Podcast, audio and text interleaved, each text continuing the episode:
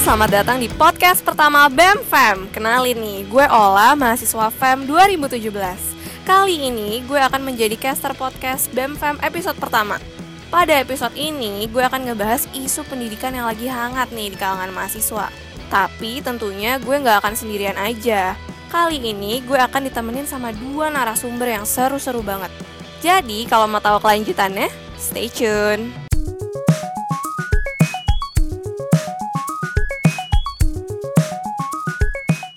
Nah, balik lagi nih di podcast kali ini kita bakal bahas uh, isu-isu pendidikan Indonesia.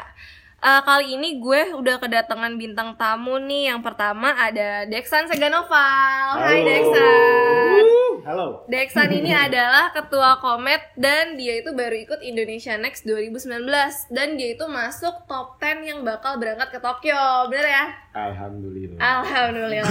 Keren banget Deksan nih. Siap. Lalu ada narasumber kedua nih yaitu uh, M Arif Ilianto. Dia adalah ketua sesi dan tahun 2018 dia uh, adalah Mawapres FEM. Halo Halo, Arif. assalamualaikum teman-teman.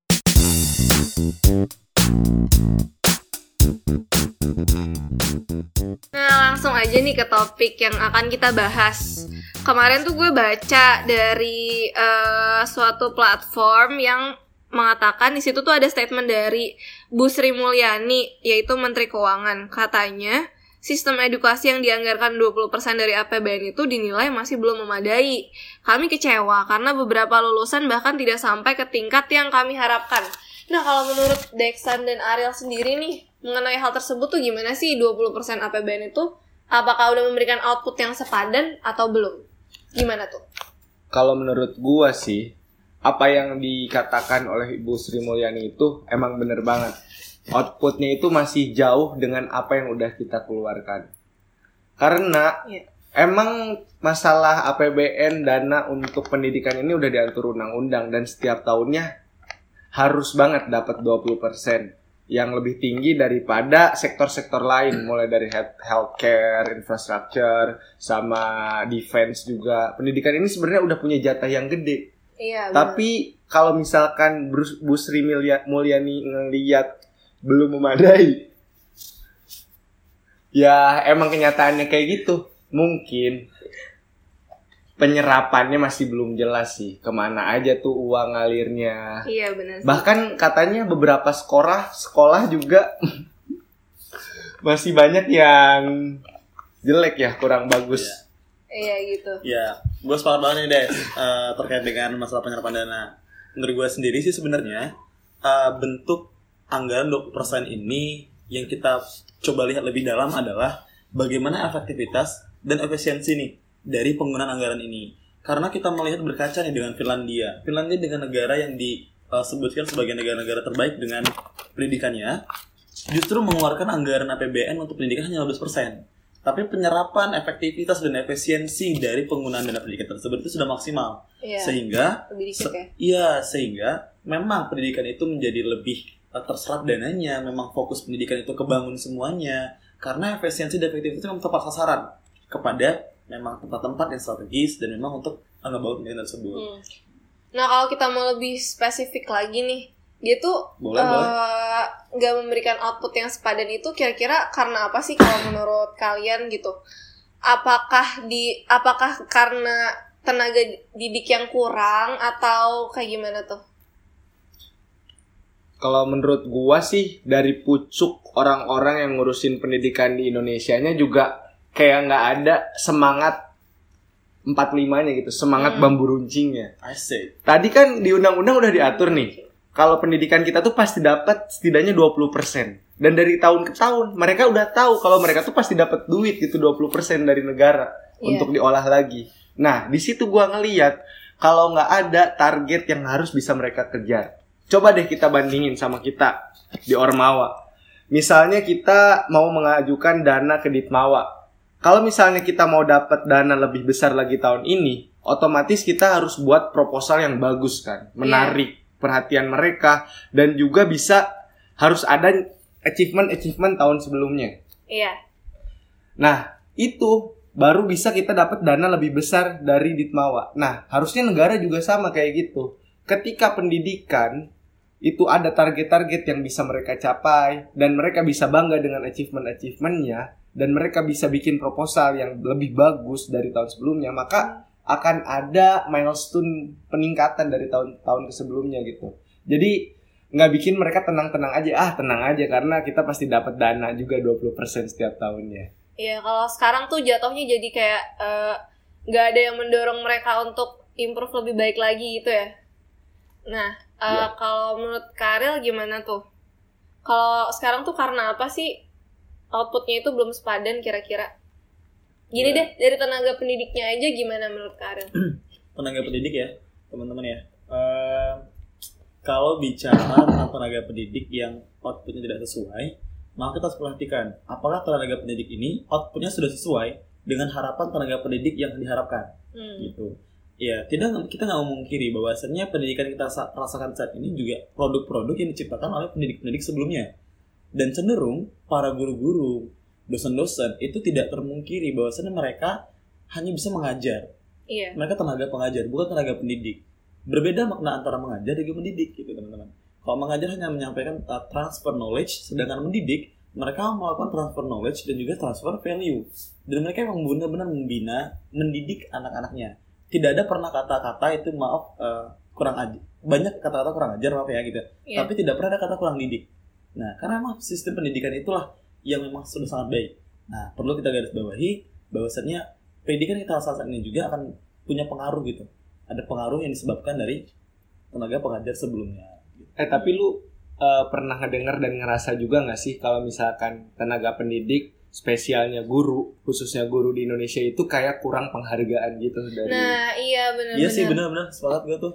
Tapi yang setahu gue ya, sekarang kan ada sertifikasi guru, iya nggak sih? iya benar Nah itu tuh eh, yang gue pernah baca dari eh, World Bank penelitian dari World Bank itu katanya tuh sertifikasinya itu nggak terlalu berpengaruh sama student outcome-nya. Jadi kayak eh, sertifikasinya itu tuh kesannya jadi eh, apa namanya si gurunya itu tuh nggak benar-benar tersertifikasi karena nggak menghasilkan eh, outcome yang baik untuk murid-muridnya. Nah itu tuh gimana tuh menurut kalian? karena menurut gua ya yang gua tahu sertifikasi guru itu kan kayak semacam ujian untuk guru lagi Iya, kan dan itu makan biaya juga nggak Iya. sih? iya sementara banget, outcome banget, itu kan banget. bagaimana dia ngajar Iya. dan menurut gua proses sertifikasi itu emang nggak ada sangkut pautnya sama gimana dia ngajar yang bisa bikin outcome studentnya lebih bagus Oh, juga iya, sih itu benar. sih kalau yang ada di pikiran gua sebenarnya kalau misalnya dilihat juga tentang sertifikasi ini nih nah arah sertifikasi ini tuh bukan sebagai peningkatan kompetensi guru sekarang Hmm. tapi sebagai apa sebagai syarat untuk meningkatkan gaji sebenarnya oh, Oh iya, benar. benar-benar. ini Iya jadi sih. salah ini jadi salah perspektif kan di antara kalangan guru dan tenaga pendidik lainnya mereka langsung sertifikasi bukan meningkatkan kompetens tapi berharap mendapatkan bonus dan mendapatkan gaji yang lebih nah makanya nih yang menjadi salah satu karakter penting menjadi seorang tenaga pendidik adalah uh, menjadi adanya integritas yang utama karena suri tauladan itu tidak terlepas dari bagaimana tenaga pendidik mengajarkan kepada murid-muridnya Hmm, subhanallah sekali Subhanallah. Nah, eh, sekarang kan udah banyak tuh dana bantuan kayak contohnya BOS, bidik misi, kayak gitu-gitu kan. Kita balik lagi nih ngomongin tentang dana pendidikan. eh itu tuh gimana sih efektivitas dan efisiensi dana-dana tersebut ketika diaplikasikan di pendidikan Indonesia? Itu gimana tuh? Si dana BOS dan eh, contohnya si bidik misi itu. Iya, memang pendidikan itu memang disasar untuk seluruh rakyat ya teman-teman ya. Jadi rakyat itu memang seluruhnya itu diwajibkan untuk menerima sarana pendidikan, manfaat pendidikan, dan kita tidak memungkiri bahwasannya pendidikan itu masyarakat Indonesia saat ini itu juga ada yang memiliki di sekitar eh, di perekonomian sekitar menengah ke bawah. Artinya orang-orang kurang mampu juga harus di, mendapatkan pendidikan, tapi mereka tidak memiliki anggaran untuk melakukan pendidikan. Nah inilah peran dana bos, dana bidik misi yang menyasar sektor-sektor tersebut, sektor-sektor yang lemah di, eh, di bidang finance-nya sehingga bisa mem- merasakan lah orang-orang yang kurang pendapatan, kurang kurang keuangannya itu bisa merasakan bagaimana nikmatnya pendidikan. Sehingga pendidikan ini bukan menjadi suatu hal yang eksklusif, tapi menjadi pendidikan yang inklusif. Iya benar. Setuju gua sama lu Ril. Nah, eh, kan tadi kita juga sempat nyinggung tentang eh, si dana bos ini gimana sih eh, caranya kita bisa mengukur mana sih orang yang layak untuk mendapatkan dana bos ini. Kita kan sering lihat ya fenomena-fenomena sekarang itu malah banyak yang orang harusnya nggak dapat dana tersebut tapi dia yang dapat gitu. Itu tuh gimana sih caranya? Sebaiknya caranya memonitori orang-orang supaya nggak melakukan kecurangan seperti itu. Kan istilahnya tuh kayak makan rezeki orang ya nggak sih bisa kita Iya. bilang kayak gitu nggak sih? Itu gimana sih cara monitorinnya? Sebenarnya PR juga tuh. parah sih. Ini kaitannya sama culture orang Indonesia sih kalau Ah menurut iya benar banget, benar Iya, banget, benar banget. Kita udah terbiasa memanipulasi sesuatu. Hmm. Mulai dari nyontek contohnya. Iya. Karena nyontek terlalu sering dianggap wajar. Sama juga kan waktu kita apply beasiswa misalnya bidik misi atau bos itu kan ada form yang harus kita isi. Iya. Karena kita terbiasa menganggap sesuatu yang salah itu biasa saja. Jadi menurut gua ya orang-orang juga ada kesempatan untuk ya udahlah gua ngelakuin ini karena orang lain ngelakuin juga. Hmm. Nah, harusnya sih menurut gua ada lagi kayak namanya itu eh pendalaman lagi terhadap calon-calon istilahnya apa ya? Pengenalan lebih dalam para applicants beasiswa itu. Jadi jangan hanya menilai dari form yang mereka kirim karena kan kita juga tahu gitu kalau misalkan hanya form bisa benar-benar dimanipulasi. Dan menurut gua sih sebenarnya sekarang juga udah mulai diperbaiki kayak harus ada foto bangunan, iya foto sih kamar dan lain Sampai sebagainya. Yang gua tahu sih gitu ya. Kadang-kadang ada sidak juga kan ya. Iya. Sidak langsung ke rumahnya. itu sebenarnya udah evidence based udah Mm. cukup bagus sih menurut gua cuman tinggal terus aja diperbaiki karena culture yang kayak gini tuh kayak udah mendarah daging jadi nggak bisa diselesaikan dalam waktu yang sangat singkat butuh waktu lama untuk mengkikis culture ini. Iya, bener banget. Nah, mungkin saran gue adalah kalau misalnya untuk mengikis culture tadi ini, bahwasannya kita tahu ada langkah preventif, ada langkah yang sifatnya langsung uh, setelah uh, sanksinya. Jadi, ibaratnya adalah ada langkah pencegahan, ada langkah tindakan pasca kejadian. Iya. Nah, kalau misalnya terjadi seperti ini, ya memang culture-nya seperti itu ya. Untuk memberikan efek jerah mungkin ya, efek jerah dan mereka juga paham akan esensinya keadilan pendidikan ini. Mungkin untuk orang-orang yang memang mendapatkan program eh, bi- bi- apa beasiswa, bidik misi maupun eh, eh, bos dan sebagainya, ketika setelah diaudit kembali secara sidak bahwa mereka tidak layak menerima, maka mereka diberikan sanksi gitu. Sanksi yang jelas. Nah, tetapi sanksi ini akan memang berjerah juga. Artinya adalah bagaimana tindakan ini harus diperketat. Jadi ketika seringan gini, mereka yang mampu tadi itu sudah memanipulasi, mendapatkan dananya, mereka menggunakan sampai mereka lulus gitu. Tanpa adanya evaluasi tahunan oh atau evaluasi kembali. Iya. Nah, ini harus dilakukan untuk adanya evaluasi-evaluasi baru per tahun kah, per semester kah untuk mengecek kebenaran kevalidasi kevalidatan data ini gitu. Nah, ketika memang ini terbukti tidak sesuai, harus ada tindakan ya, mohon maaf ya mungkin tindakan represif langsung Hmm. mencabut beasiswanya, ya tindakan langsung mem- bisa memberikan sanksi DO langsung pada siswanya biar langsung memberikan dampak jerah. Nah, mungkin inilah langkah-langkah harus ditempuh saat ini untuk membuat eh, bagaimana Jadi, ya. kondisi keadilan itu semakin baik. Jadi selama ini kesannya kayak kesalahan yang sama berulang-ulang lagi gitu ya. Yes, that's right. Nah, mantap kalau kalau kita ngomongin tentang karakter kejujuran orang-orang, ini agak keluar topik ya, sorry ya. Berarti gimana sih caranya? Gini, kan pendidikan karakter itu nggak nggak cuma nggak nggak ditanamin banget di sekolah kan? Maksudnya Mm. jujur aja gue pendidikan karakter tuh lebih dari agama dan keluarga.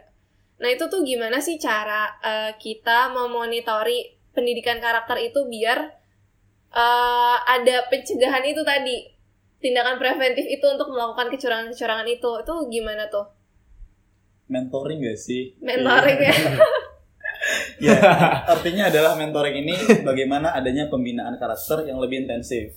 Uh, artinya mentoring itu bukan uh, artinya ada mentor, ada tokoh khusus yang memang dihadirkan untuk memegang uh, 2 sampai 2 sampai sekitar lima orang atau enam orang agar dipantau bagaimana perkembangan pola sikapnya dan sebagainya. Sehingga mentor ini akan mengarahkan para siswa tenaga, tenaga uh, maksudnya para siswa ini dan uh, peserta-peserta didik ini agar sesuai dengan output yang diinginkan. Ini sama seperti peran guru BK. Teman-teman Iya, nggak? Iya. Kalau di kuliah ada namanya tuh dosen PA. Iya. Tapi pertanyaan adalah seberapa intensifkah gitu ya? Seberapa intensifkah teman-teman bertemu dengan dosen PA dan guru BK? kesannya ketika masuk BK itu adalah teman-teman punya masalah. Ya, Iya, harus berantem loncat pagar atau mencuri gitu ya. Nah, Gitu teman-teman ya. padahal Iya. guna sebenarnya buat konsultasi iya, ya.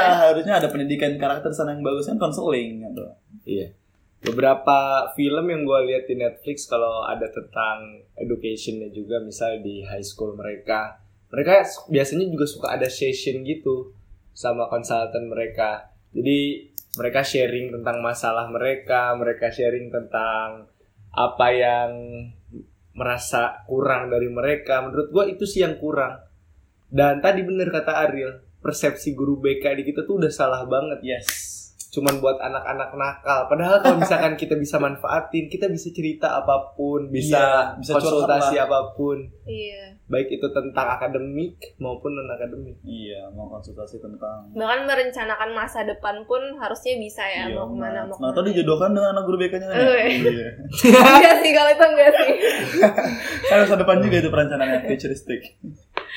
Nah, eh, gue baca juga nih ada eh, sistem ranking gitu dari PISA yaitu Program for International Student Assessment. Kalau Indonesia itu berada di peringkat 62 dari 70 negara. Waduh. Kalau kita sangkut pautin lagi nih buat anggaran pendidikan di Indonesia yang sudah sebegitu besarnya, itu eh, menurut kalian tuh gimana sih? Eh, jadi tuh anggarannya tuh masih belum cukup untuk membuat pendidikan Indonesia lebih baik lagi. Bahkan dari 70 negara kita tuh baru ranking 62. Gimana tuh? Solusinya mungkin ya. Iya solusinya. Solusi aja lah, karena tadi kan kita udah bahas nih, udah Iya. bahas tentang bagaimana ini ya pandangan kita. Ya, kalau dari saya solusinya adalah yang pertama, pendidikan yang ada di Indonesia ini memang disesuaikan dengan kebutuhan siswa dan kebutuhan mahasiswa yang ada, gitu ya. Iya. Bukan pendidikan ini hadir karena kepentingan kepentingan pihak-pihak tertentu Nah, yang ingin dia. mengambil manfaat dari dana ini ataupun dari sistem ini gitu.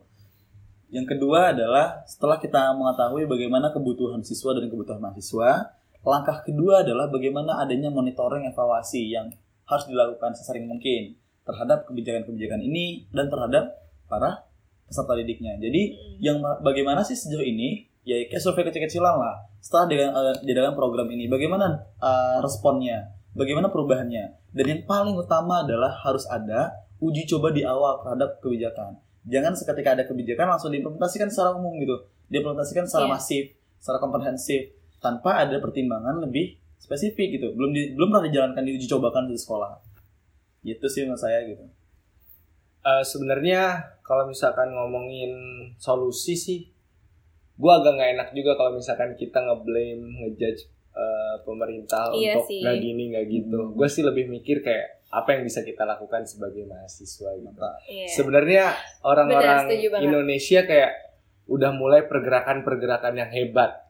Banyak kegiatan volunteering activities yang gue lihat kayak Indonesia mengajar, terus juga udah ada banyak uh, tech companies kayak Iya, kemarin lo sempat ikut uh, kegiatan volunteer gitu juga nggak sih? Iya. Dex? Bener. Nah, itu sebenarnya yang bikin gue sadar kalau misalkan pendidikan juga harus udunan gitu. Harus bareng-bareng. Nggak bisa kayak hanya sekedar pemerintah. Karena kita juga bagian dari sektor ini. Kita juga akademi, eh, apa sih namanya? Akademisi kan. Jadi, apa yang bisa kita lakukan dulu sebagai mahasiswa? Kalau menurut gue sih, yang pertama, kita tanggung jawab dulu sama tu- tugas kita masing-masing ngomongin kayak menurut gua minimal IPK dulu lah. iya iya iya iya iya. Sedikit Wah, sensitif sih. sensitif nih. Tapi menurut gua kalau lu bilang penting gak penting, mau nggak mau emang penting sebenarnya. Iya. Karena salah satu measurement of success dari studi lu selama di kuliah itu, ya itu gitu. Menurut gua. Jadi Iya. kita sebagai mahasiswa agak harus lebih mementingkan lagi nih Iya. kuliah. Lebih semangat lagi ya teman-teman. Yes. IPK itu nggak mesti 4, 3,9 cukup. Iya iya. Meskipun gua nggak segitu. Berat tuh tiga Terus yang ya. kedua menurut gua sih kita bisa ikut juga tuh kegiatan kayak ya volunteering activities bener tadi lah. Karena ketika lu volunteer lu bisa ngerasain gitu bagaimana jadi mereka. Dan bisa ngerasain kalau this is unfair gitu untuk mereka. Mm. Kayak menurut gue edukasi itu sebenarnya semua orang tuh punya kesempatan yang sama gitu untuk memperoleh apa yang gue peroleh gitu. Tapi ternyata mereka nggak peroleh apa yang gue peroleh. Nah makanya kita sebagai mahasiswa yang mendapatkan kesempatan privilege untuk belajar di kamp salah satu kampus terbaik juga harusnya bisa memberikan feedback yang baik juga ke mereka. Hmm. Kalau misalkan untuk masalah pemerintah, gue yakin mereka juga terus berbenah sih. Kalau misalkan negara terus berbenah, kenapa kita nggak ikut membenah juga gitu Iya. aja. Mantap. Mantap. Jadi eh, kalau gue simpulin kalau menurut lo gimana pendidikan Indonesia ini juga eh, dibentuknya dari gimana mahasiswa-mahasiswa dan murid-muridnya untuk ber untuk mengeksplorasi dirinya gitu Iya. ya.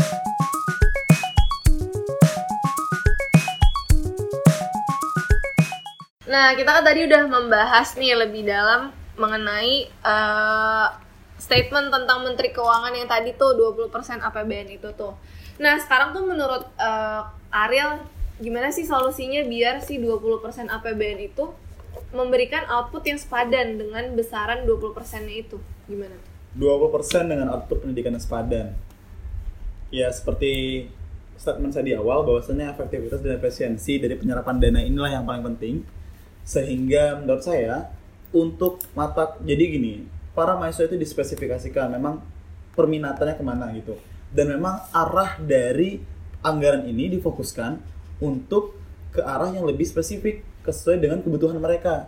Dan untuk mata kuliah-mata kuliah yang sudah dirasa tidak memungkinkan lagi ada dan semua rincian-rincian infrastruktur yang memang terlibat dalam mata kuliah tersebut dihapuskan gitu. Sehingga fokus anggaran 2% tadi bisa dimasukkan untuk memperdalam anggaran dana pada mata kuliah atau mata pelajaran yang spesifik dan dibutuhkan.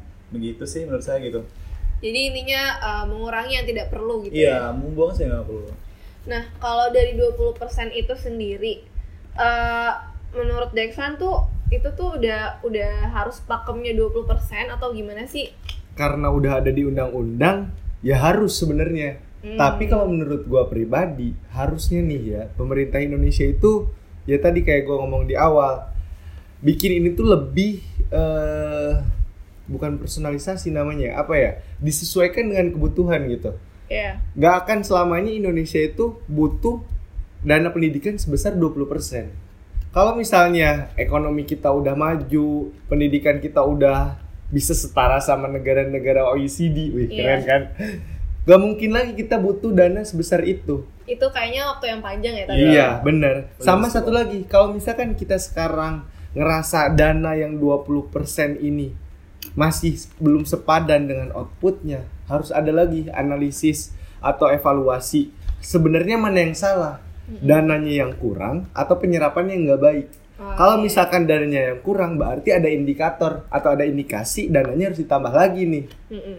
Nggak ada salahnya juga kan APBN kita untuk pendidikan lebih dari 20%. Iya, sebenarnya kalau dari itu pemerintah hanya mengantarkan 20% APBN, tetapi tidak ada salahnya jika institusi pendidikan ingin menambah anggaran tersebut dengan mekanisme sendiri, baik dengan melakukan pinjaman kepada sektor-sektor keuangan lainnya ataupun menambah sektor-sektor keuangan menambah input-input modal kapital itu dari satu sektor lain, apakah dari bisnis eh, usaha institusi dan sebagainya. Sehingga untuk anggaran dari 20% ini adalah bagaimana bentuk anggaran dari pemerintah mensubsidi uh, kegiatan pendidikan.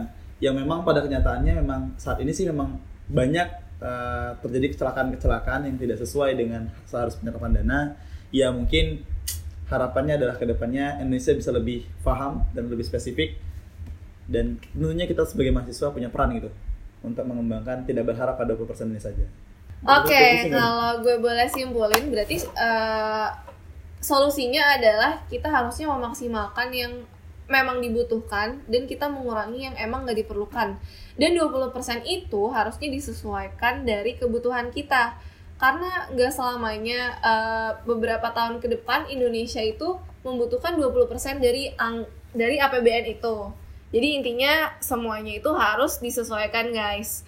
Nah, Eh, segitu aja diskusi kita pada hari ini. Makasih banget nih Dexan dan eh, Ariel. Yes. Sama-sama. Iya, Thank you makasih juga. banget udah meluangkan waktunya untuk eh, berdiskusi bareng kita di sini. Eh, segitu aja untuk episode pertama. Eh, kita tutup dulu. Bye guys. Dadah.